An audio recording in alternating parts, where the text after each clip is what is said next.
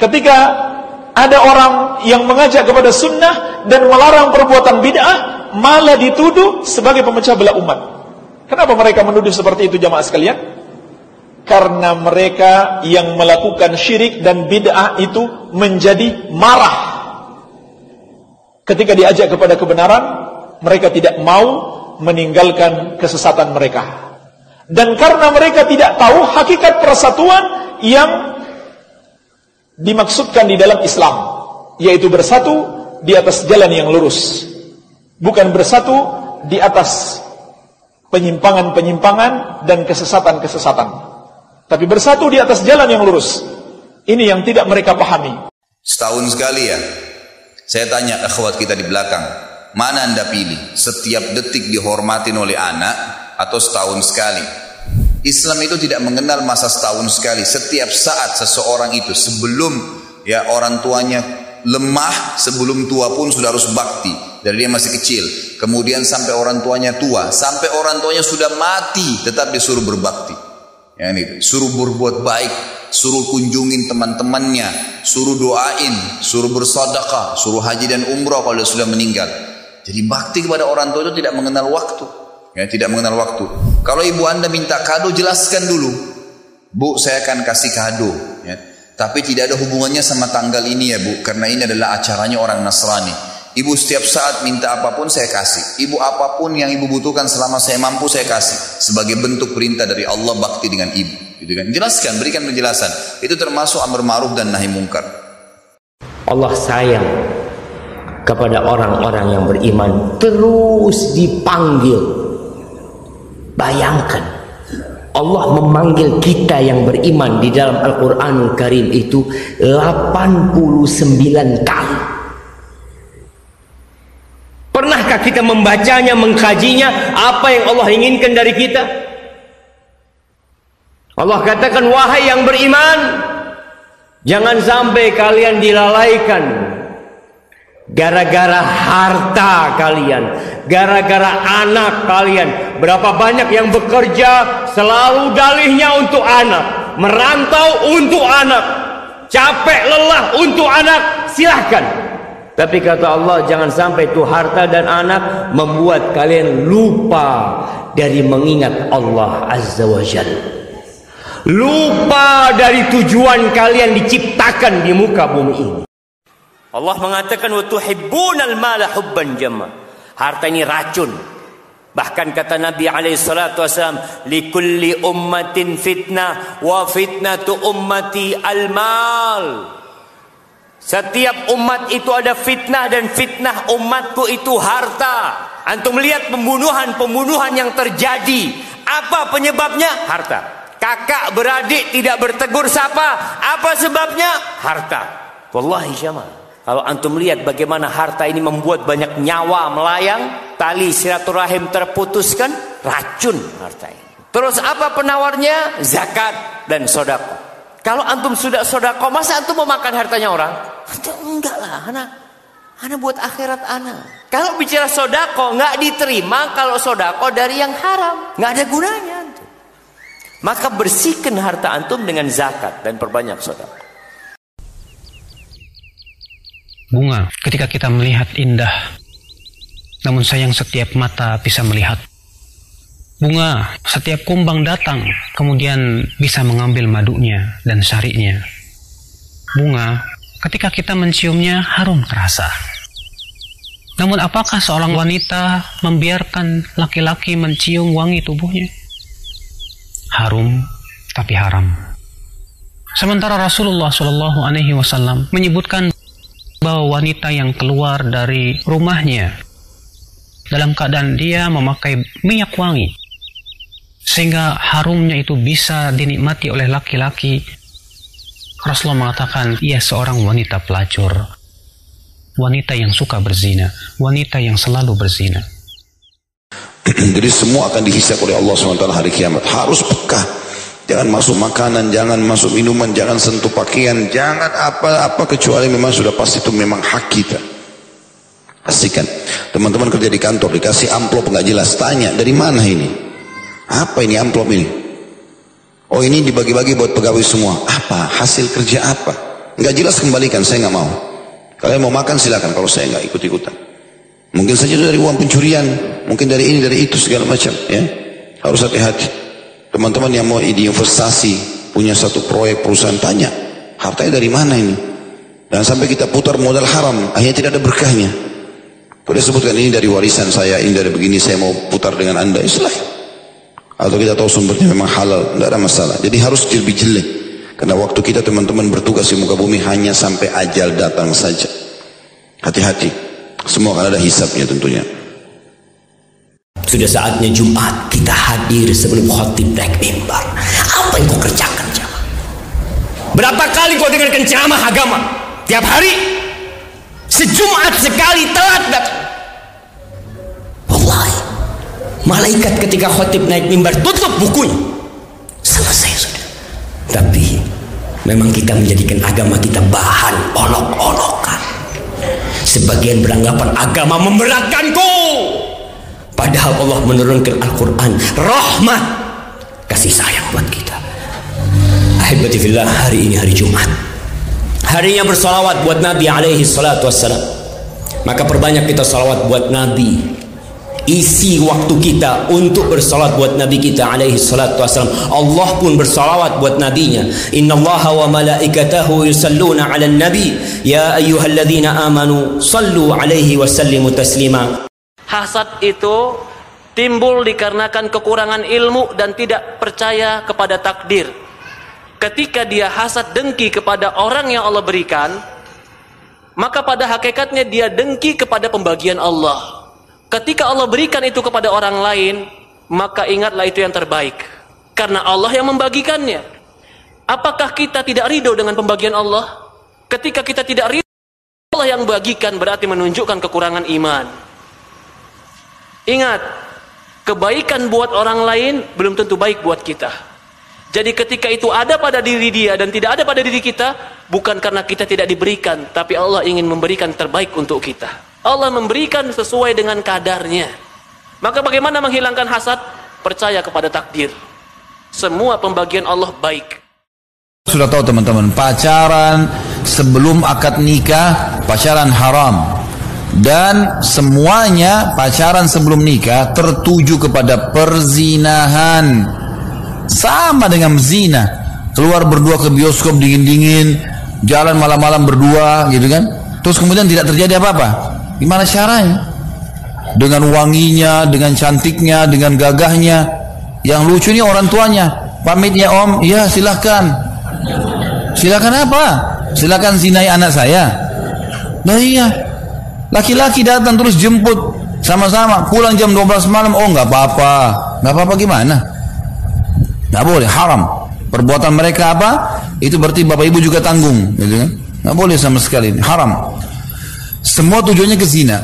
Cari yang haram susah, apalagi yang halal. Memang dari dulu yang haram itu susah. Dari dulu yang haram susah, yang halal itu mudah. Orang mau mencuri selalu susah. Orang mencopet selalu susah. Allah orang mau ngerampok selalu sulit. Tapi orang mau cari yang halal, antum lihat tiap pagi orang naik busway. Masya Allah, rame. Cari apa mereka? Cari yang halal. Ada di dalam satu pencopet. Dia cari yang haram. Biasanya penuh ketakutan dia. Maka nasihat anak tadi, kita perlu belajar. Ketika antum mau bekerja, antum tanya. Konsultasi kepada guru agama. Kepada orang yang ngerti agama. Ustadz kerjaan anak boleh apa enggak? Karena ada sebagian ustadz yang mungkin kerjaan kamu ini ya syubhat. Tapi antum banyak sodakoh aja. Gimana banyak sodakoh? Tadi katanya sodakoh dari yang halal. Kalau syubhat di sodakoh kan nggak dapat pahala. Gitu. Wallahu Sesungguhnya yang paling aku khawatirkan kepada kalian ucap Nabi sallallahu alaihi kepada para sahabatnya adalah syirik kecil. Para sahabat bertanya, "Apa yang Anda maksud dengan syirik kecil wahai baginda Rasulullah?" Maka Nabi menjawab, "Ar-riya." Yaitu riya ingin dilihat ketika beribadah untuk mendapatkan pujian. Yusalli ahadukum fayuzayyinu salatahu lima yarahu ahad. Ketika dia salat, lantas dia indah-indahkan salatnya karena ada orang yang sedang melihatnya. Dia panjang-panjangkan, dia panjang-panjangin salatnya. Seakan-akan Al-Baqarah yang dia baca padahal Qulullahu Ahad yang dia ulang-ulangi. Na'udzubillah min dhalik. Yuzayyinu salatahu lima yarahu ahad. Dia indah-indahkan salatnya karena ada orang yang sedang melihatnya. Karena calon mertuanya, calon menantunya, atau calon atasannya. Atau bahkan atasannya. Saya ingatkan semua laki-laki yang suaminya istrinya masih belum berhijab, hati-hati. Nabi SAW mengancam masalah ini. Laki-laki akan masuk neraka kalau dia dayuth. Dan dayuth artinya sengaja membiarkan kerusakan dan pelanggaran terjadi pada istrinya. Dia harus ingatkan itu. Kalau dia sudah mengingatkan walaupun cuma sekali nggak masalah. Yang penting dia ingatkan, dia doakan, dia nasihati, gitu kan? Jangan dia biarkan masalah ini. Karena membuka aurat ini bagian daripada pelanggaran agama. Allahu a'lam. Kata Nabi SAW, sesungguhnya hati itu bisa berkarat, sebagaimana berkaratnya besi. Kata para sahabat ya Rasulullah, bagaimana bagaimana membersihkannya? Kata Nabi SAW dengan membaca Al-Quran. Ya, ini juga pernah saya jelaskan. Bapak Ibu usahakan minimal 10 ayat satu hari. Minimal. Kenapa 10 ayat? Karena ada hadis yang dihasankan oleh para ulama. Kata Nabi SAW, siapa yang membaca 10 ayat sebelum dia tidur. Kata ulama hadis sebelum tidur bisa sebelum tidur atau memang dari pagi sampai menjelang tidurnya malam. Maka dia akan diberi satu kintor pahala. Kata para sahabat, apa itu satu kintor ya Rasulullah? Kata Nabi SAW, satu kintor lebih baik daripada dunia dan seluruh isinya. Kalau setiap habis sholat, tekankan saya tidak mau berdiri sampai 10 ayat saya baca dulu. Misal, berarti kita punya 50 ayat per hari. Subuh 10 ayat, duhur 10 ayat, asar 10 ayat, maghrib 10 ayat, isya 10 ayat. Berarti 50 ayat. Itu minimal bisa 10 ayat itu sebentar loh. Ya, maka itu sangat baik untuk melunakkan hati. Kata Nabi, "Mandalla ala khairin Barang saya menunjukkan kepada kebaikan, bagi dia pahala orang yang mengamalkannya. Subhanallah, cuma nunjukin doang. Ada orang bangun masjid gak punya duit. Kita kenal orang kaya, dermawan. Kita bilang, eh sini. Ente mau bangun masjid, ente minta sama si fulan. Biasanya dia kasih. Pergi dapat, kita juga dapat pahala bangun masjid. Bukan cuma dia. Bukan cuma dia. Yang punya duit protes, ya enak aja cuma nunjukin. Enggak usah protes, pahala ente dapat, saya juga dapat. Kecuali saya dapat, ente nggak dapat. Kita dapat bareng-bareng. Dan pahala saya tidak mengurangi pahala ente. Kalau pahala saya mengulangi para antum, ente boleh protes sama Allah. Enggak kok. Ya saya bagian tunjukin, ente bagian bangun. ente dapat pahala, saya juga dapat pahala. Ingat ya, ini hadis bukan ngajarin kita pelit. Ente minta duit sana, ente punya duit, sama dia aja. bukan gitu maksudnya. Kalau ente nggak punya duit, boleh tunjukkan sama orang. Kalau ente punya duit, ente yang bang, sumbang long. Begitu maksudnya. Ya. Lihat kewajiban sholat ini. Orang dalam kondisi sakit tetap wajib sholat. Bagaimana dia tidak bisa berwudu? Tayamum. Dia nggak bisa tayamum, ditayamumi. Karena ada orang-orang ketika sakit masuk rumah sakit, sepekan, dua pekan, sebulan, tidak sholat. Keluarganya tidak mempedulikan sholatnya dia. Keluar. Sebagian mengatakan, nanti kalau saya sembuh, saya akan sholat. Siapa yang menjamin engkau keluar dari rumah sakit sembuh? Berapa banyak orang yang keluar dari rumah sakit bangkai Bila menurut pendapat ulama yang mengatakan kafir dalam mazhab Hambali ketika mati nggak perlu disolati. Hidup yang mau sholat. Masa kita suruh nyolatin dia ketika dia mati? Jangan dikuburkan di kuburan orang-orang Islam. Bikin kejuran buat dia. Gak main-main jemaah. Maka siapa yang pernah meninggalkan sholat segera tobat. Orang tidak boleh orang Islam jauh dari sunnah Nabi yang mulia alaihi salatu wassalam. Hidupnya harus dengan sunnah Nabi. Bagaimana umat Islam jauh dari sunnah Nabi yang mulia alaihi salatu wassalam?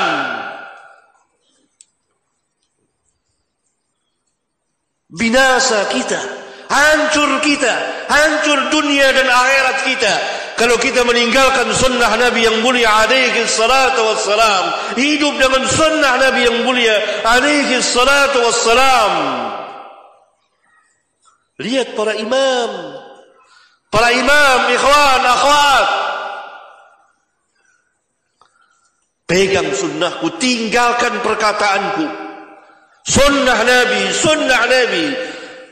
Sallallahu alaihi wasallam Wahai saudaraku, berhentilah. Kita tidak ingin mati dalam keadaan sedang menonton video porn. Mati dalam keadaan masturbasi gara-gara nonton video porn. Kita tidak ingin mati dalam keadaan berzina gara-gara sudah terpengaruhi konten video porno. Kenapa demikian? Karena yamutul insan. Seseorang akan mati sesuai dengan kebiasaan dia. Yang biasa ngeklik hal-hal yang diharamkan, dia mati saat klik tersebut. Dan ketahui baik-baik, tidak ada keburukan paling hina di dunia yang didapati oleh seorang hamba dibandingkan mati dalam keadaan su'ul khatimah. Sampai hijrah kita penuh dengan kepalsuan. Hanya gara-gara ketika Allah dan Rasulnya tidak menghalalkan musik. Tetapi kita hobi dengan musik. Kemudian kita tetap mengatakan musik itu boleh. Na'udzubillah. Orang-orang yang hijrah tetapi masih hobi dengan musik berarti hijrahnya penuh dengan kepalsuan. Orang-orang yang hijrah tetapi masih mengatakan musik itu halal berarti hijrahnya penuh dengan kepalsuan. Kenapa? Karena Allah dan Rasulnya Sallallahu Alaihi Wasallam tidak pernah menghalalkan yang namanya musik. Coba antum buka kitab-kitab sejarah, kitab-kitab hadis. Apakah disebutkan tentang masuk Islamnya musik? Pernah tidak musik masuk Islam? Yang asalnya tidak halal menjadi halal? Gak pernah jemaah.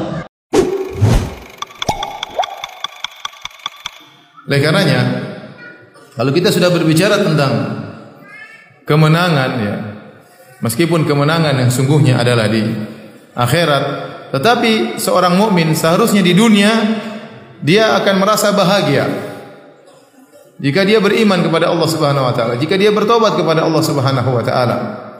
Ya makanya Allah Subhanahu wa taala berfirman, "Man 'amila salihan min dzakarin aw untha wa huwa mu'min, falanuhyiyannahu hayatan thayyibah." Ya barang siapa ya beramal saleh baik seorang lelaki maupun wanita dan dia dalam kondisi beriman, maka kami akan berikan dia kehidupan yang baik, dia akan bahagia. Adapun orang yang berpaling bermaksiat, maka akan diberikan kesengsaraan. Kata Allah Subhanahu wa taala, "Wa man a'rada an dzikri fa inna lahu ma'isyatan dhanka." Barang siapa yang berpaling dari peringatanku, maka baginya kehidupan yang menyempitkan, dadanya sesak. Maka orang beriman seharusnya dia menang di dunia sebelum menang di akhirat. Harusnya dia sukses di dunia sebelum sukses di akhirat. Makanya Al-Imam Ibnu Taimiyah rahimahullahu taala pernah berkata, "Inna fid dunya jannatan Man lam yadkhulha lam yadkhul jannatal akhirah. Sungguhnya di dunia ada surga, itu ada kebahagiaan. Barang siapa yang di dunia tidak bisa masuk surga tersebut, dia tidak akan meraih surga di akhirat. Ini isyarat dari Syekhul Islam Ibnu Taimiyah rahimahullahu taala bahwasanya orang beriman itu pasti bahagia. Pasti bahagia apa pun kondisi yang dia hadapi. Selama dia beriman, selama kalau dia bermaksiat dia bertobat kepada Allah Subhanahu wa taala. Adapun orang yang yang bermaksiat maka dia akan diberi kegelisahan, akan diberi kegelisahan. Meskipun dia dipenuhi dengan harta, meskipun dia dipenuhi dengan ketenaran, ya, di memiliki jabatan yang tinggi, tapi kalau dia suka bermaksiat dia pasti gelisah. Ya. Kata Allah Subhanahu wa taala, "Alladzina amanu wa tatma'innu qulubuhum bi dzikrillah." Ala bi dzikrillah tatma'innul qulub. Sungguhnya orang-orang yang beriman, ya, wa tatma'innu qulubuhum dan hati mereka menjadi tenteram dengan mengingat Allah. Ketahuilah dengan mengingat Allah, hati menjadi tenang. Kalau ingat Allah, hati menjadi tenteram dengan iman, dengan takwa, maka mengikuti hawa nafsu, mengikuti godaan syaitan, maka membuat hati akan gelisah. Hadirin hadirat yang Allah Subhanahu wa taala. Intinya kalau Anda ingin sukses di dunia, terlebih lagi sukses di akhirat, maka jauhilah diri Anda dari dosa-dosa. Dan kita sadar bahwasanya kita pasti berdosa. Ini sudah sifat dasar manusia. Allah menciptakan manusia dengan sifat memiliki potensi untuk berdosa. Sebagaimana kita manusia memiliki sifat potensi untuk makan, untuk minum, ya. Ya, maka demikian juga punya potensi untuk bermaksiat. Punya potensi untuk bermaksiat. Dan Allah menciptakan kita demikian. Ada hikmahnya kenapa kita bermaksiat di antaranya agar kita bertobat kepada Allah, agar kita kembali kepada Allah Subhanahu wa taala, agar kita mengakui kekurangan kita, agar kita tidak sombong, tidak angkuh dengan ibadah yang kita lakukan, karena kita sadar kita penuh dengan kekurangan. Makanya Allah Subhanahu wa taala mengatakan dalam hadis qudsi, "Ya ibadi innakum tukhti'una bil-laili wan nahar." Wahai hamba-hambaku, sungguhnya kalian berdosa siang dan malam. Kalian suka berdosa. Hadirin hadirat yang rahmati Allah Subhanahu wa taala. Bagaimana kita menghadapi kenyataan kita sering berdosa? Solusinya sangat mudah, yaitu bertobat. Sering bertobat kepada Allah Subhanahu wa taala. Bagaimanapun seorang berusaha untuk menghindarkan dirinya dari dosa, dia tidak bakalan mampu. Kita berusaha, jangan jangan bermudah-mudah melakukan maksiat. Tapi bagaimanapun hebatnya Anda, Anda pasti akan terjerumus dalam dosa. Nabi SAW bersabda, "Istaqimu walan tuhsu." Istiqomalah kalian, kalian tidak bakalan mampu. Tidak bakalan mampu. Siapa pun dia. Para anbiya juga bersalah. Nabi Adam pernah bersalah, Nabi Nuh pernah bersalah, Nabi Ibrahim pernah bersalah, Nabi Musa pernah bersalah, Nabi Yunus pernah bersalah. Nabi Muhammad SAW juga pernah bersalah.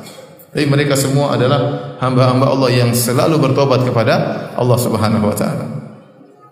Jadi harus ada dalam benak kita bahwasanya yang buat kita sengsara, yang buat kita tidak bahagia, yang buat kita gagal di dunia maupun di akhirat adalah karena dosa-dosa yang kita lakukan. Oleh karenanya kita dapati betapa banyak ibadah-ibadah yang agung Ganjarannya adalah diampuni dosa-dosa. Ganjarannya adalah diampuni dosa-dosa. Karena dosa-dosa yang bikin masalah. Contoh, haji, ibadah yang sangat agung. Apa pahalanya? Kata Nabi SAW, Man hajja walam yarfus walam yafsuk raja'a min dhunubihi kayaumi waladatu. Barang siapa yang berhaji tidak mengucapkan kata-kata kotor, tidak melakukan kemaksiatan, maka dia akan bersih dari dosa-dosanya seperti baru lahir dari perut ibunya. Jadi maghfirah ini sangat penting karena dia adalah kunci kesuksesan di dunia maupun di di akhirat. Kemudian juga contohnya tadi haji menghapuskan dosa-dosa. Contohnya puasa. Kata Nabi sallallahu alaihi wasallam, "Man shoma ramadhana imanan wa ihtisaban ghufira lahu ma taqaddama min dhanbi." Barang siapa yang berpuasa dengan penuh keimanan dengan penuh pengharapan akan diampuni dosa-dosanya yang telah lalu. Demikian juga salat. Ya, kata Nabi sallallahu alaihi wasallam, "As-salawatul khams wal jum'ah ila al-jum'ah wa ramadan ila ramadan mukaffiratun ma bainahunna idza sunibal kaba'ir." Kata Nabi sallallahu alaihi wasallam, salat yang satu dengan salat yang lainnya Jumat yang satu dengan Jumat yang lainnya, Ramadan satu dengan Ramadan yang lainnya akan menghapuskan dosa-dosa di antara keduanya selama dijauhi dosa-dosa besar. Jadi ya banyak ibadah-ibadah yang agung janji Allah adalah agar diampuni dosa-dosa. Kenapa? Karena dosa-dosa ini problem besar. Tidak mungkin kita melakukan dosa kecuali pasti ada dampaknya. Baik berkaitan dengan dunia kita maupun berkaitan dengan akhirat kita.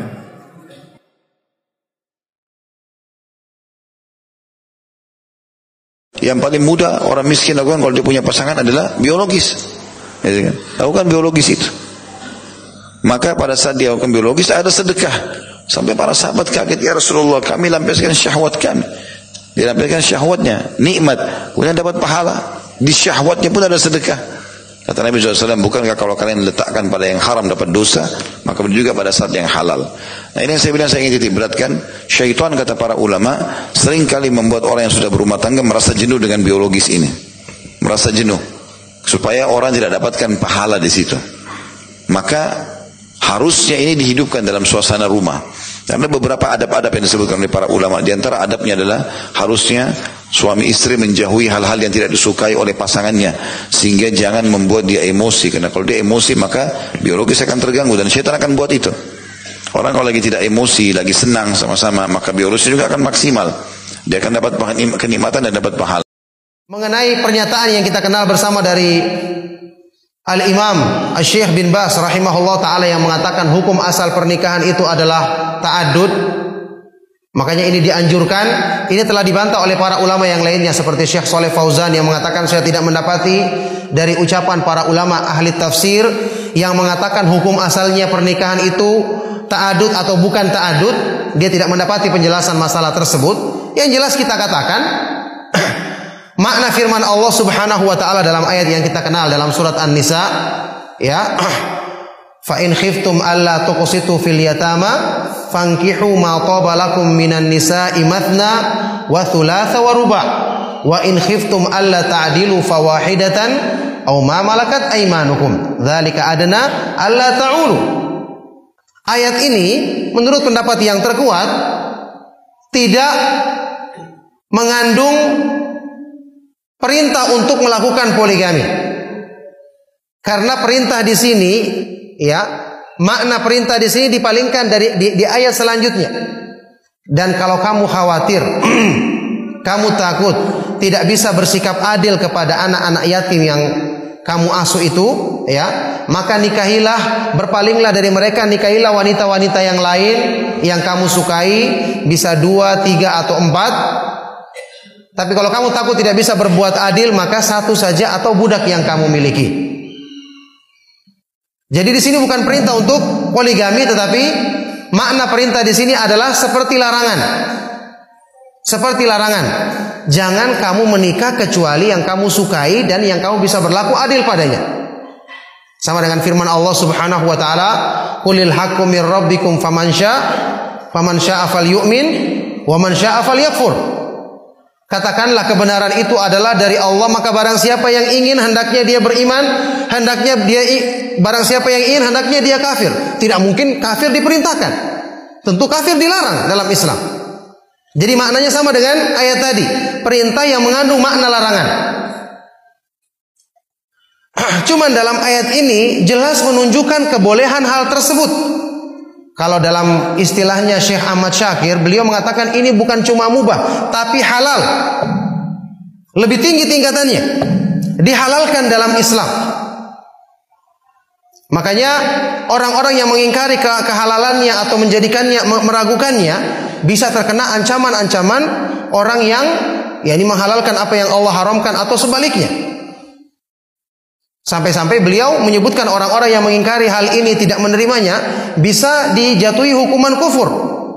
Termasuk dalam makna firman Allah Subhanahu wa taala, "Dzalika bi annahum karihu ma anzalallahu fa ahbata a'malahum."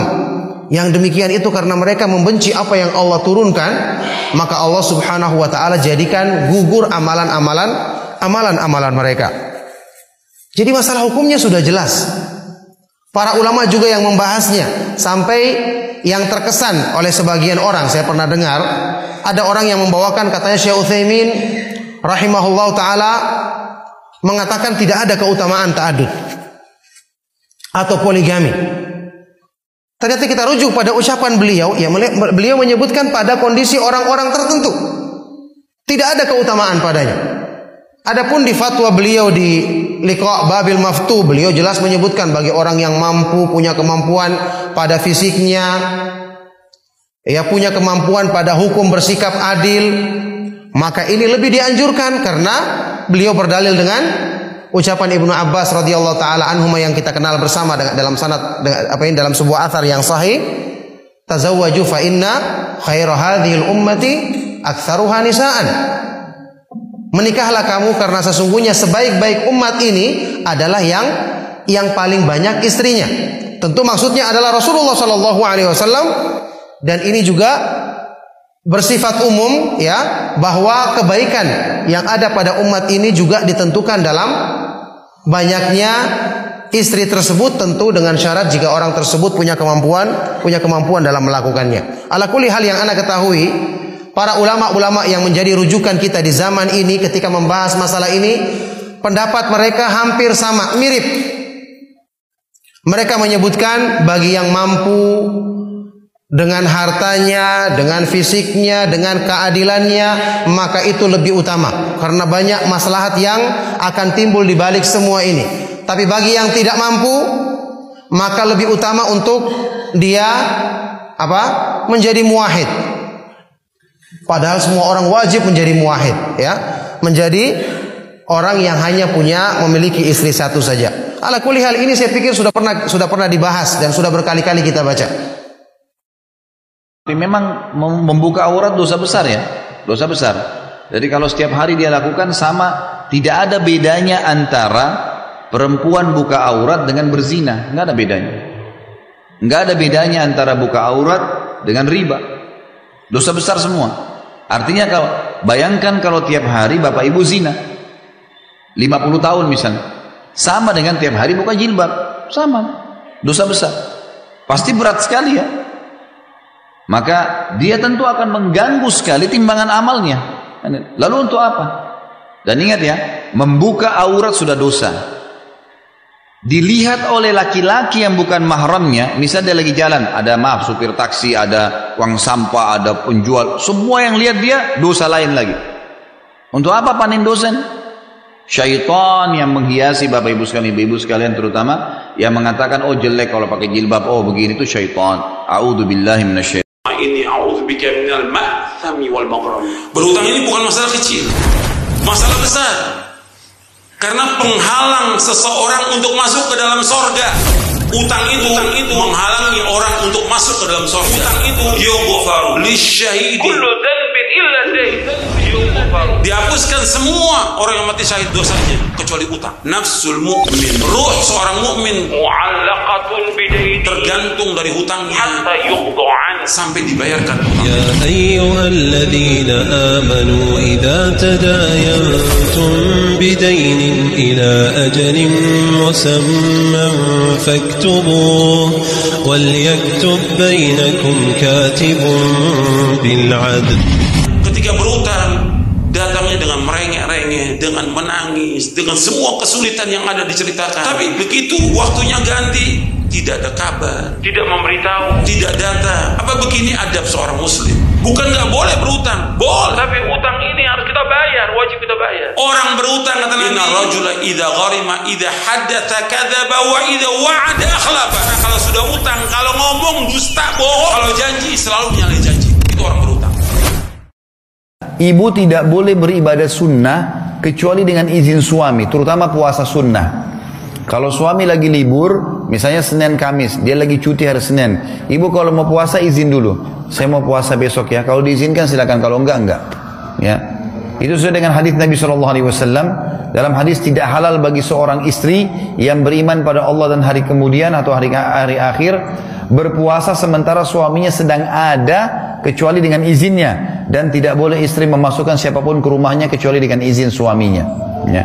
Jadi walaupun ibu yang punya rumah, ibu punya rumah nih, ibu beli, ibu nikah dengan seorang laki-laki, orangnya miskin, tidak punya rumah, dia tinggal di rumah ibu.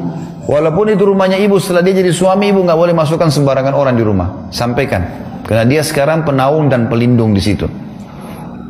Maka ini perlu digarisbawahi, tidak boleh berpuasa, terutama sunnah ya. Kata Nabi Wasallam dalam hadis yang lain, tidak boleh seorang wanita berpuasa sementara suaminya sedang bersamanya kecuali dengan izinnya. Sama juga kalau bapak ibu kita kan kalau kalau bakti sama orang tua, perhatikan perbedaan antara ketemunya haknya Allah wajib dengan hak wajibnya makhluk. Jadi misal sholat lima waktu kan itu wajib kita ya. Kalau ketemu itu dengan hak wajibnya makhluk, misalnya bakti sama orang tua. Kalau kita lagi sholat duhur misalnya ibu kita atau ayah kita panggil, nah kita nggak usah batalin sholat karena wajib sama wajib ketemu. Wajib haknya Allah dengan hak wajibnya makhluk. Tapi kalau ketemu dengan hak sunnahnya Allah, misal kita lagi sholat sunnah, ketemu dengan hak wajibnya makhluk, ibu atau ayah kita panggil, kita harus batalkan sholat sunnahnya. Ya, ini nggak boleh nggak. Jadi kalau ibu kita lagi panggil, oh saya lagi sholat sunnah nggak bisa, batalin.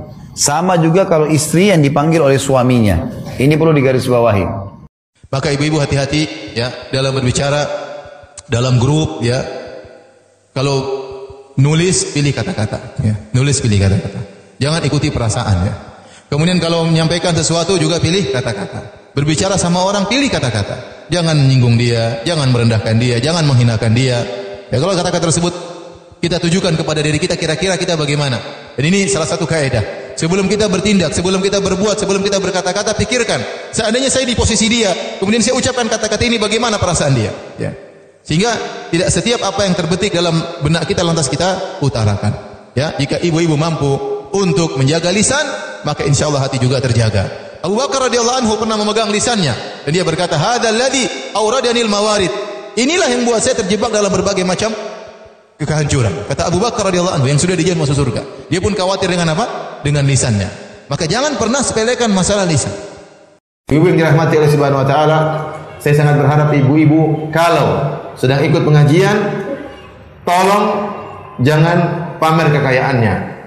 Tolong jangan pamer kekayaan. Tolong jangan pamer emasnya jangan dibawa seluruhnya. Simpan bawa satu dah wajar wanita berhias itu wajar. Cincinnya silakan ada tapi jangan pakai lima lima ada cincinnya semua. Sini ada, sini ada, sini ada, sini. Yang kanan juga ada. Itu semua ada semua buat apa? Kayak toko emas seperti toko emas yang sedang berjalan. Kemudian gelangnya panjang sampai di lengannya. Buat apa seperti itu? Buat apa? Kasihan sama yang miskin-miskin. Yang miskin-miskin cemburu. Namanya wanita punya dan hasad itu timbul di antara wanita sangat banyak. Di antara hasad adalah hasad terhadap harta. Wanita itu luar biasa ini gini. Maka tatkala ikut pengajian jangan pamer kekayaan. Nah, kalau ibu-ibu sedang berkumpul dengan ibu-ibu yang kaya, ya tidak jadi masalah. Ya sama-sama punya, sama-sama berada. Sampaikan saja saya tidak kuat mendengar nanti saya berburuk sangka sama mereka dan begini begini begini. Tolong jangan sebut nama. Kalau tidak bisa sebut nama ya sudah saya mohon maaf saya belum bisa mendengar. Karena jangan kita akhirnya kasihan sama dia, akhirnya kita pun sengsara. Kita karena ingin menyenangkan hati dia, hati kita kotor, jangan. Ya. Ada orang mau gibah. Kalau kita nggak dengar gibahnya nanti dia jengkel sama kita nggak berteman. Ya sudah biarin aja cari teman, teman banyak kok. Kalau dia mau cerita kita bilang boleh kok cerita, tapi tolong jangan sebut nama. Saya dengar mudah-mudahan saya bisa kasih kasih apa? masukan. Tapi itu ibu ini, ibu ini as aduh. Sudahlah janganlah ya. Hidup cuma sekali. Telinga ini jangan buat dengar yang gitu-gitu ya. Kemudian akhirnya kita hati menjadi kotor. Jadi nasihati aja kasih syarat boleh, tapi tolong jangan sebut-sebut apa nama karena saya khawatir ini majelis gibah. Itu aja nama apa, enggak usah malu-malu dengan senyum sampaikan dengan lembut. Insya Allah dia ngerti. Kalau dia nggak ngerti ya sudahlah. Dia nggak mau berteman mau di blokir ya terserah. Nggak ada masalah. Nggak ada masalah.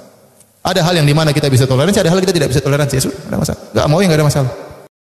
Ada seseorang pernah bertanya ditelepon kepada seorang syekh lagi live di TV sampai syekhnya menangis terisak-isak. Dia bilang syekh bagaimana hukumnya istri saya berseteru sama mertua, orang ibu saya? Dan ibu saya ini masih numpang di rumah saya Syekhnya langsung nangis tiba-tiba. Terisak-isak membawa acaranya pun bingung kenapa syekhnya nangis gitu. Lalu dia mengatakan, "Akhi, saudaraku, bertakwa kepada Allah. Ucapanmu itu berat di sisi Allah. Kau mengatakan bahwasanya ibumu numpang padamu. Walaupun itu rumahmu, kamu yang numpang, bukan ibumu yang numpang. Karena kamu dengan harta milik ibumu, gitu kan? Maka hati-hati teman-teman sekalian. Jangan mentang-mentang kita sudah jadi sarjana, sudah pintar, sudah punya rumah sendiri di rumah, sudah punya mobil, ibu datang dari kampung, mungkin pakaiannya atau ayah kita kelihatannya kayak orang-orang pakaian orang kampung atau membawa masih belum mengerti dan seterusnya. Lalu kita anggap remeh, enggak. Merendahlah. Ikhtiarnya rezeki tak terduga itu bertakwa kepada Allah. Kan kata Allah, "Wa man yattaqillah yaj'al lahu makhrajan wa yarzuqhu min haitsu la yahtasib."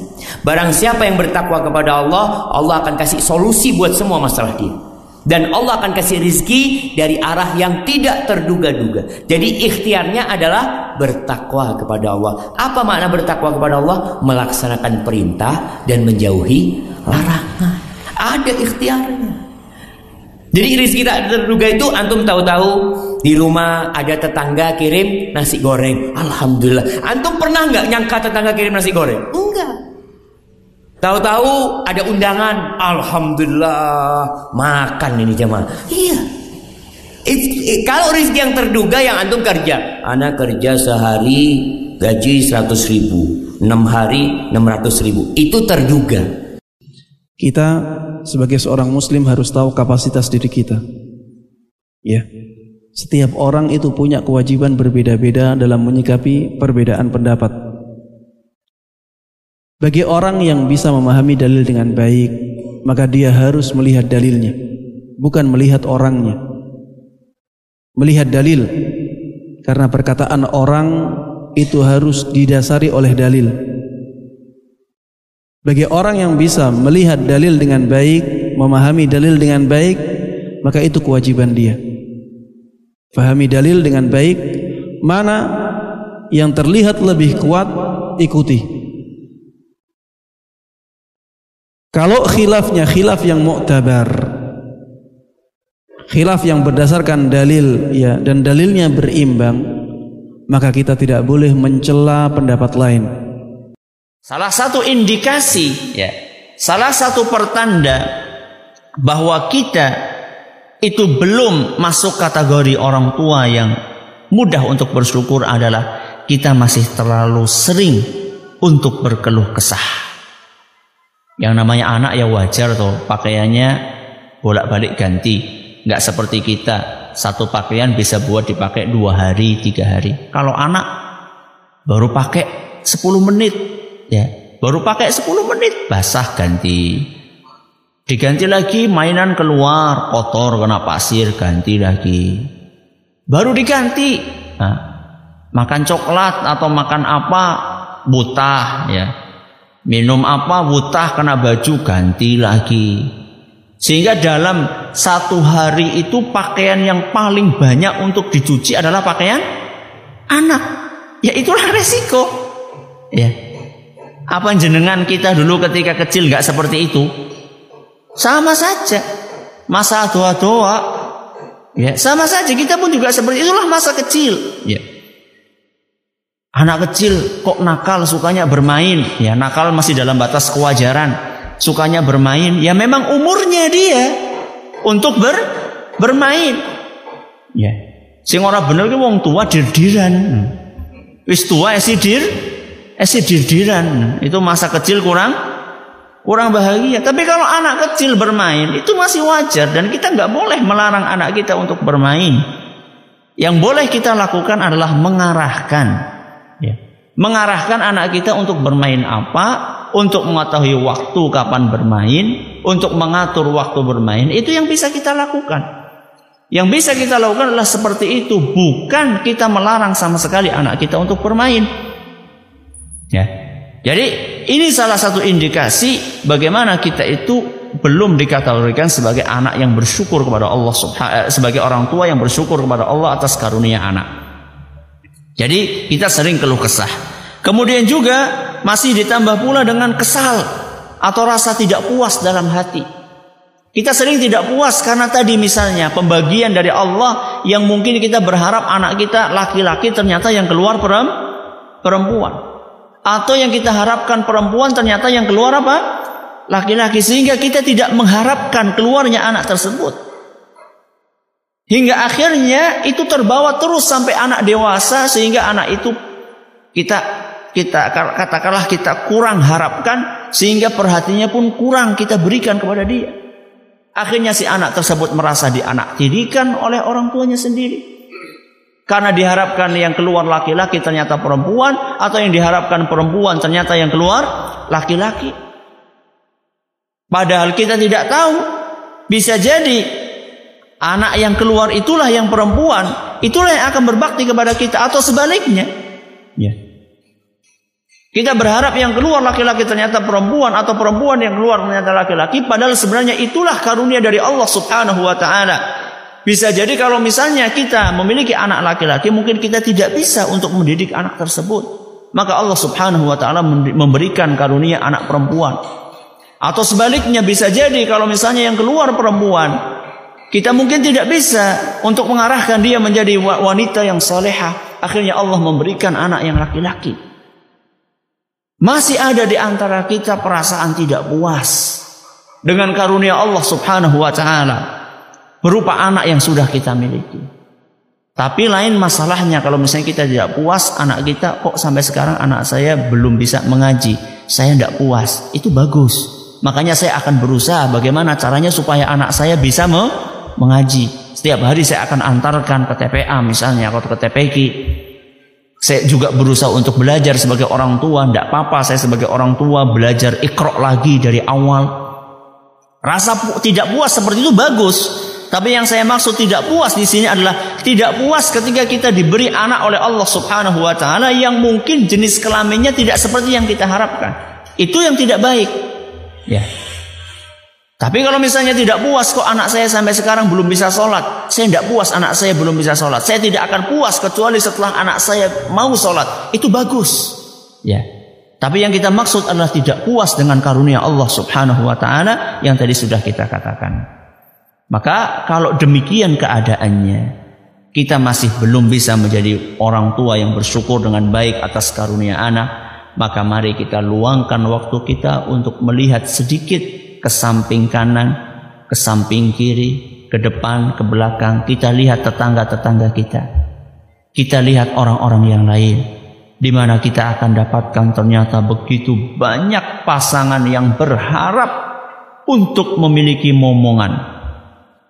Namun Allah Subhanahu wa taala belum juga berkenan untuk mengaruniakan keturunan kepada mereka. Kata Syekhul Islam Taimiyah, "An yashhada dzunubahu wa anna Allah innama sallatahum alaihi bidzambihi." Hendaknya dia ingat dosa-dosanya. Dan dia tahu bahwasanya tidaklah Allah menjadikan mereka bisa mendolimi dia kecuali karena sebab dosa-dosanya dia. Kenapa dia didolimi? Karena ada dosa yang dia lakukan. Allah berfirman, "Wa ma asabakum min musibatin fa bima kasabat aydikum wa ya'fu katsir." Musibah apa saja yang menimpamu, maka akibat perbuatanmu sendiri dan Allah maafkan banyak kesalahan-kesalahanmu. Fa idza syahida al-abdu anna jami'a ma yanaluhu yanaluhu minal makruh fa sababuhu dhunubuhu ishtaghala bit taubati wal istighfari minadz dzunub allati sallatahum alaihi bisababiha an dhammihim wa laumihim wal waqi'ati fihim jika seorang hamba tahu bahwasanya musibah yang menimpa dia ya cercaan kezaliman yang menimpa dia disebabkan dosa-dosanya maka dia akan ingat dosa-dosanya dan dia akan tersibukkan untuk beristighfar untuk bertobat kepada Allah jadi waktu musibah kena dia salahkan dirinya dulu jangan-jangan ini karena dosa-dosa saya Lantas dia beristighfar bertobat kepada Allah. Kalau dia sibuk beristighfar dan tobat kepada Allah, maka dia akan terlalaikan dari mencaci maki orang yang mendoliminya. Kenapa dia sibuk memperbaiki dirinya? Kalau dia sudah bisa memperbaiki dirinya, maka musibah tersebut akan terangkat. Wa idza ra'aita al-'abda yaqau fi nas idza adau wa la yarju ila nafsihi bil lawm wal istighfar fa'lam anna musibatahu musibatun haqiqiyah.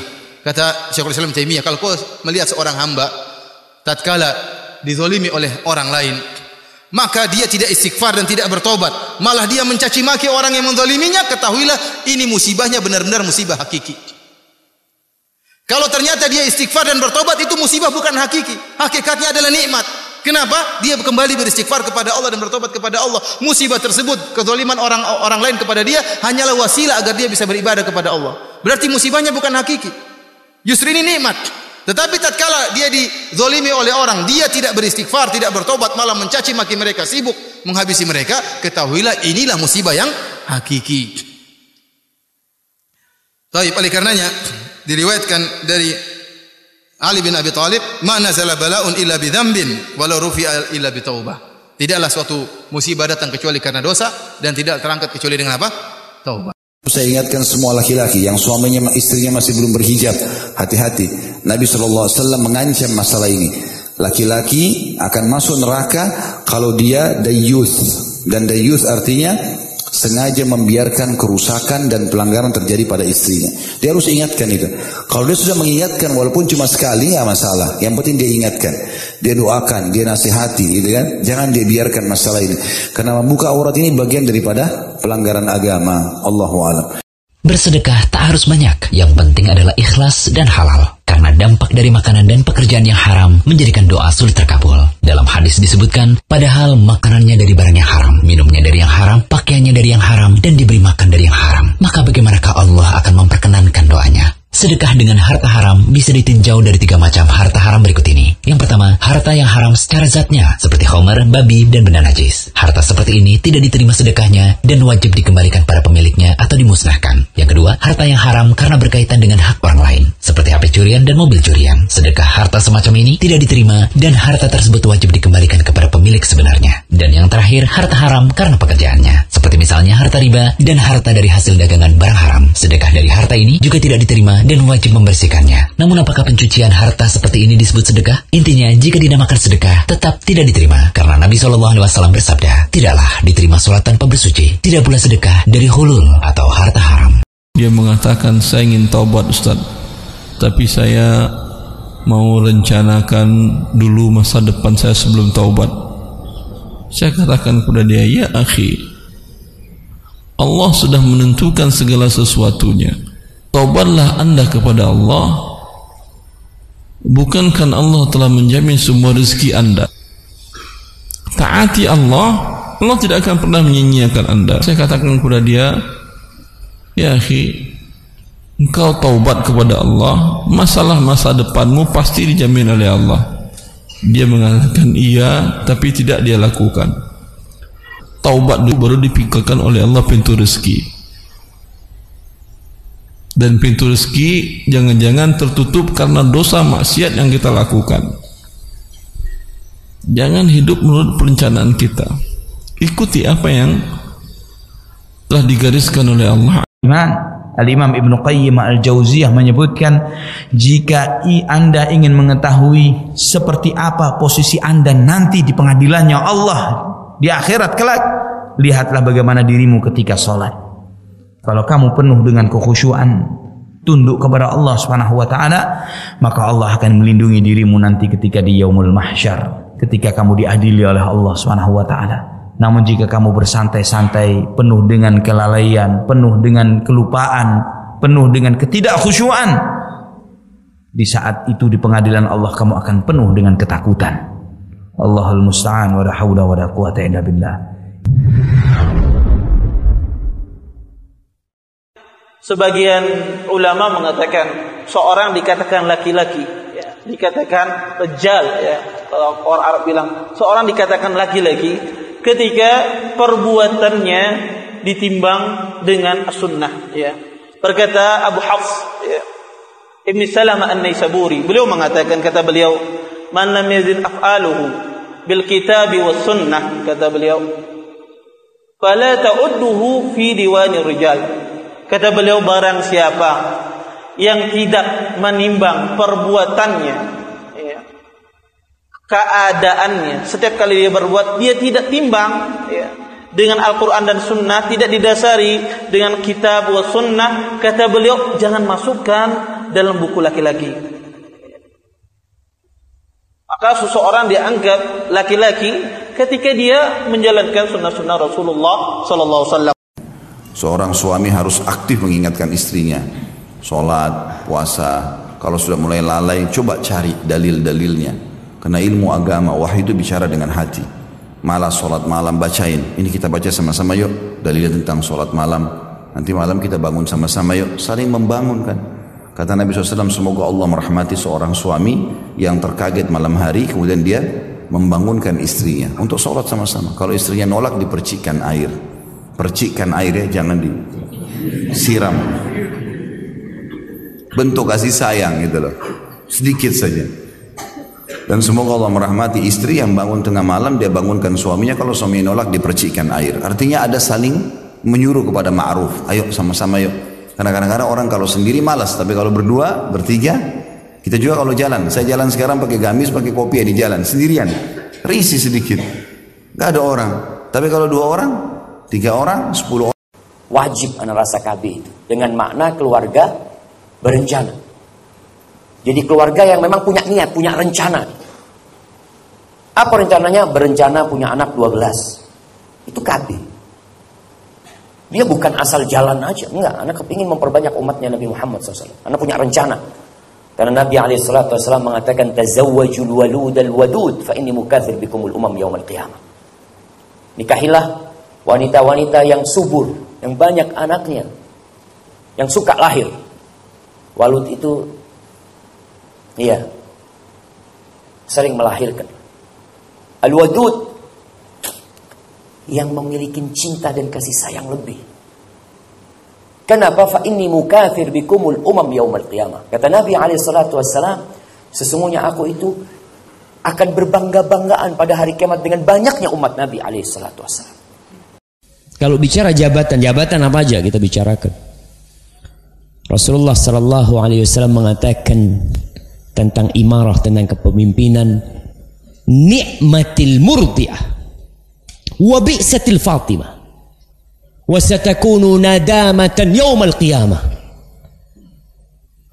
itu kepemimpinan jabatan adalah sebaik-baiknya ibu yang menyusuin antum pernah lihat ibu kalau nyusuin ya Allah anak nangis sedikit langsung ditaruh di dada ibunya diem Masya Allah sebaik-baiknya ibu menyusuin itu jabatan wabisatil Fatimah. Tapi seburuk-buruknya yang menyapih anaknya. Di dunia dan di akhirat. Dan akan jadi penyesalan kelak pada hari kiamat. Kenapa? Karena amanah ini beban. Allah suruh tapi kita. Inilah dunia, maka berhati-hatilah. Bagikan fata morgana, seperti itulah dunia. Ia adalah kehidupan yang tidak abadi, kebahagiaan yang menipu, dan kesenangan yang semu. Dunia ini fana, dan kenikmatan di dalamnya juga sementara. Dunia ini hina, tidak sebanding dengan nilai seekor nyamuk yang lemah tanpa daya. Namun, sangat disayangkan masih saja banyak yang tertipu. Apakah mereka ini tidak tahu atau pura-pura tidak tahu akan hakikat dunia yang sebenarnya? Allah Subhanahu wa taala berfirman, Ketahuilah bahwa sesungguhnya kehidupan dunia ini hanyalah permainan dan sesuatu yang melalaikan. Perhiasan dan bermegah-megahan antara kamu, serta berbangga-banggaan tentang banyaknya harta dan anak. Seperti hujan yang tanaman-tanamannya mengagumkan para petani. Kemudian tanaman itu menjadi kering dan kamu lihat warnanya kuning kemudian menjadi hancur. Dan di akhirat nanti ada adab yang keras dan ampunan dari Allah Subhanahu wa taala serta keridhaannya dan kehidupan di dunia ini tidak lain hanyalah kesenangan yang menipu. Inilah dunia yang banyak membuat orang terpedaya. Ia tak lain sekedar permainan yang hasilnya hanya kelelahan dan kelalaian belaka. Dunia menyibukkan orang dari hal-hal yang bermanfaat untuk kehidupan akhirat. Dunia tak lebih dari sebuah tanaman yang tumbuh subur di musim hujan, yang tidak seberapa lama kemudian layu dan mengering di musim kemarau dan akhirnya bak anai-anai yang berterbangan di tiup angin. Sungguh betapa cepatnya tanaman itu binasa. muslim.org.id Oleh karena itu, ma'asyiral ikhwa wal akhwat fid din azakumullah. Saya ingatkan sekali lagi. Hati manusia kalau telah diisi dengan keindahan Islam, dia tidak akan mencari keindahan palsu yang lainnya selama-lamanya. Hati manusia hanya akan diisi dengan syubhat kalau di dalam hati tersebut belum diisi dengan keindahan Islam. Makanya orang perlu belajar tentang iman. Perlu banyak mengoreksi hatinya supaya keindahan Islam masuk. Di dalam sebuah hadis yang sahih riwayat Imam Bukhari dijelaskan inti sebab utama yang menjadikan para sahabat radhiyallahu taala anhum ajmain kuat dan teguh dalam keimanannya. Kenapa mereka tidak murtad meninggalkan agama, cobaan-cobaan yang besar yang menjadikan manusia tidak tahan akan meninggalkan keislaman mereka. Tapi para sahabat radhiyallahu taala anhum ajmain tegar dengan keimanan mereka. Disebutkan sebabnya dalam Sahih Imam Bukhari. Ya, ketika terjadi dialog antara Raja Romawi Heraklius dengan Abu Sufyan. Intinya di situ Raja Romawi ini mengungkapkan satu pernyataan yang kemudian dibenarkan oleh Rasulullah sallallahu alaihi wasallam. Ketika dia bertanya, hal yartaddu ahadun minhum sakhtatan lidinihi ba'da an dakhala fihi? Apakah ada di antara sahabat Nabi sallallahu alaihi wasallam yang murtad meninggalkan agamanya setelah dia mengikuti Islam? Abu Sufyan menjawab, "Ya, la, tidak ada sama sekali." Kemudian dijawab oleh Raja Romawi ini dengan pengetahuan yang didapatkannya dari kitab Injil, "Kadzalikal imanu hina tukhalitu basyashatuhul qulub." Memang demikian keadaannya iman ketika kemanisannya telah merasuk dan menancap dalam hati manusia. Keindahan Islam. Jadi inti dari semua permasalahan, inti istiqomah, istiqomah itu artinya lurus tidak berbolak-balik ke kanan dan ke kiri. Tidak menyimpang kanan dan kiri. Itu didapatkan oleh orang yang telah mengenal keindahan Islam. Sehingga semua penyimpangan-penyimpangan dari yang paling kecil sampai paling besar. Karena mereka belum merasakan keindahan Islam. Nabi Shallallahu Alaihi Wasallam bersabda, "Fa innal ilma, fa innal ulama, warasatul anbiya." Sesungguhnya para ulama merekalah pewaris para nabi. Wa innal anbiya lam yuwarithu dinaran wala dirhaman. Dan para ulama mereka tidak mewariskan dinar dan dirham. Wa innama warathul ilma. Tetapi yang mereka wariskan adalah ilmu. Faman akhadahu akhada bihadzin wafir. Maka barang siapa mengambil warisan tersebut bersungguh-sungguh untuk meraih warisan tersebut, akhadha bihadzin wafir. Sungguh ia telah mengambil bagian besar di dalam kehidupannya. Alhamdulillah, kita bersyukur pada Allah. Ketika Allah Subhanahu wa taala berikan taufik untuk kita semuanya, Allah mudahkan kita semuanya benar-benar cinta dengan ilmu, bersama dengan ilmu. Saudara-saudariku yang dirahmati Allah, ini yang diwariskan para nabi dan para rasul mereka hanya mewariskan ilmu bahkan tidak mewariskan dunia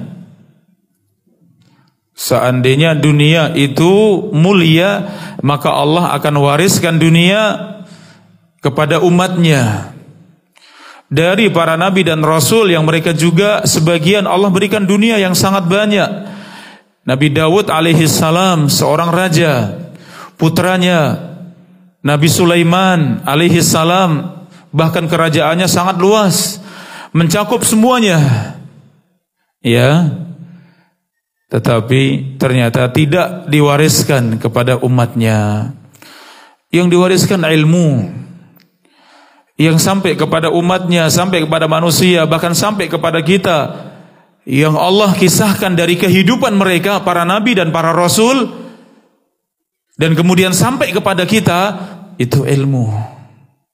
Bagaimana bijaknya Nabi Sulaiman alaihissalam.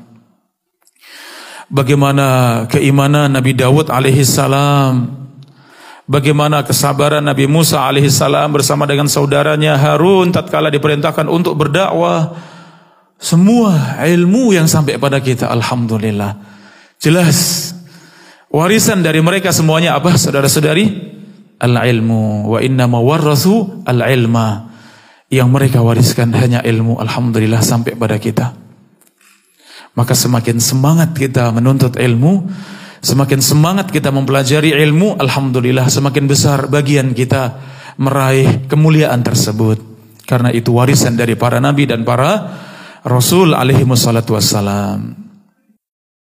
Memang tidak ada perbedaan teman-teman di antara kita kecuali kedekatannya kepada Allah Subhanahu wa taala. Dan tidak ada agama yang mengajarkan kesetaraan seperti ini. Bahkan dalam saf salat, seorang presiden sama tukang sampah sama-sama di saf. Dan kalau tukang sampah lebih dulu di saf tidak boleh dimundurkan kecuali dia mengambil yang bukan tempatnya. Islam mengajarkan kesetaraan. Begitu juga pada saat haji, semuanya pakai ihram yang sama. Semuanya wukuf di Arafah yang sama. Mungkin ada perbedaan fasilitas sedikit kemahnya atau busnya, tapi semuanya melakukan hal yang sama. Haram berlaku pada semuanya, halal berlaku pada semuanya. Sampai kapan itu terjadi? Hatta terji'u ila dinikum. Rasulullah sallallahu alaihi wasallam memberikan solusi kepada kita. Tapi kita menolak solusi. Sampai kalian kembali kepada agama kalian. Hanya satu solusi. Qurannya dibuka. Dibaca perjalanan hidup Rasul sallallahu alaihi wasallam. Sunnah-sunnahnya dikaji. Sisihkan waktu dari hidupmu. Dari 24 jam yang Allah berikan kepadamu. Bukan hanya untuk cari uang. Bukan hanya untuk cari makan. Wallahi jamaah. Semua akan kita tinggalkan. Hanya ada satu pakaian yang melepat, melekat di tubuh kita. Dan kita akan ditinggalkan oleh orang-orang yang kita cintai. Kita masih tidak sadar. Saya ki wis malas iki untuk urusan ibadah, urusan dunianya ki lancar terus. Ya Allah kadang beri istidrot itu. Tahu maksudnya istidrot itu apa? Allah kasih dunia terus dunia terus ibadahnya jadi malas. Allah kasih dunia terus dunia terus maksiatnya jalan. Berubah dikasih nikmat nikmat nikmat nikmat. Wow, wongnya orang tahu neng masjid, orang tahu jamaah, orang tahu ngibadah, maksiat jalan. Dapat dunia bisa, Buktinya saja korun Fir'aun juga sama, dapat dunia juga, istidrot bagi mereka. Istidrot itu apa? Jebakan. Orang seneng itu, malah musibah. Ya, itu malah musibah. Jadi koreksi sekarang. Lihat keadaan diri. Koreksi itu lihat majunya itu dari sisi agama, bukan majunya dari sisi dunia. Dunia orang dibawa mati. Dunia itu cuma perantara. Yang pertama diperiksa dulu oh, sholatmu. Mikir ibadahku itu diperbaiki dulu. Dunia Allah akan beri itu gampang itu Kalau kita nggak cari-cari. Dunia itu datang sendirinya. Nabi SAW suatu saat dalam sholatnya Kan beliau dalam sholat pakai terompah. Namun suatu saat beliau itu diberitahu oleh Jibril Di bawah terompahnya itu ada kotoran najis. Maka di tengah sholat Nabi SAW copot terompahnya tadi. Apa yang dilakukan oleh sahabat di belakang? Mereka juga copot dengan serempak sendalnya atau terompah yang mereka pakai tanpa pakai nanya-nanya. Kemudian Nabi Sholat Nabi SAW tanya, kenapa kalian ikut copot juga terompah tersebut? Nabi tanya seperti itu, mereka jawab, kami ini wahai Rasulullah, lihat kamu lepas terompah, maka kami juga ikut lepas. Tanpa banyak-banyak tanya, mereka tidak buat sesuatu yang baru dalam hal ini. Ini tanda keseriusan mereka dalam ibadah dan keseriusan mereka untuk itiba pada Nabi Shallallahu Alaihi Wasallam. Ganggu orang yang lagi main badminton hukumnya apa? Haram hadirin. Kalau ganggu orang yang lagi badminton haram, apalagi ganggu orang yang lagi belajar. Gara-gara kita ngobrol, dia keganggu tuh. Gara-gara kita nggak bisa kondisikan anak kita, dia keganggu. Kan dosa tuh. Udah gitu lebih parah lagi gara-gara kita ngobrol, dia bukan hanya keganggu, tapi dia salah denger. Pas Ustadz bilang tidak boleh, pas kata tidaknya kita ngakak. Jadi yang dia dengar dengan telinganya boleh. Akhirnya diamalin tuh. Nah setiap diamalin kita dosa, dosa, dosa, dosa. Terus kita yang nanggung dosanya. Karena gara-gara kita ngobrol, dia nggak kedengeran. Dan ini bukan berarti kita nggak boleh ketawa ya, tapi ketawa yang nggak jelas. Ustadznya ngomong tentang neraka, dia lagi mikik sama teman dia sendiri. Jadi itu yang nggak benar. Karena Nabi SAW sebutkan di antara tujuh golongan yang akan Allah naungi pada hari kiamat kelak. Tatkala jarak matahari cuma satu mil, di antaranya kata Nabi SAW, syabun nasya'a fi ibadatillah. Yaitu anak muda yang tumbuh di atas ketaatan kepada Allah. Yaitu anak muda yang istiqomah. Ya, anak muda yang istiqomah. Saya rasa para hadirin kebanyakannya masih muda ya. Saya juga masih muda alhamdulillah. Ya, jadi kita semua ini sekarang dalam kondisi muda. Membuat kita, mampukah, mampukah kita untuk istiqomah di tengah-tengah fitnah yang luar biasa sekarang ini, gejolak syahwat yang luar biasa, ya, tarikan dunia yang sangat luar biasa, inilah ujian hidupnya. Barang saya mengistiqomah, yakin dia akan bahagia di dunia, terlebih lagi di akhirat. Pernah Nabi SAW bersabda dalam hadis ini contoh saja. Ada sahabat-sahabat miskin sekali. Rupanya orang dari padang pasir datang. Saking miskinnya mereka nggak punya baju. Bajunya pun tidak dijahit. Jadi cuma diikat di leher. Kain lalu dibiarkan jatuh ke bawah, lalu diikat di kiri kanannya. Nabi SAW lihat tahu orang ini mau minta-minta. Lalu kata Nabi SAW, bersodakalah. Nabi naik di atas mimbar, bersodakalah, sodakah bisa meredam berkahnya Allah, bersodakalah, karena sodakah tidak akan berkurang harta seorang hamba karenanya. Akhirnya sampai ada satu sahabat berdiri, dia memulai itu. Dia taruh kain, ya, ditaruh kain sama dia, lalu dia taruh, yang katakan, ya Rasulullah ini dari saya. Langsung ditaruh orang-orang ini. Gara-gara perbuatan dia, Orang-orang pada ikut bersodak. Kata Nabi SAW, siapa yang mencontohkan kebaikan, kemudian diikuti oleh orang-orang, maka dia akan dapat pahala orang yang mengikutinya. Maka bersegera dalam mencontohkan kebaikan. Jangan berpikir, tidak usah berpikir kalau kebaikan. Berpikir itu kalau mau berbuat dosa, nah itu silakan pikir. Seribu kali nggak apa-apa. Supaya gagal ya.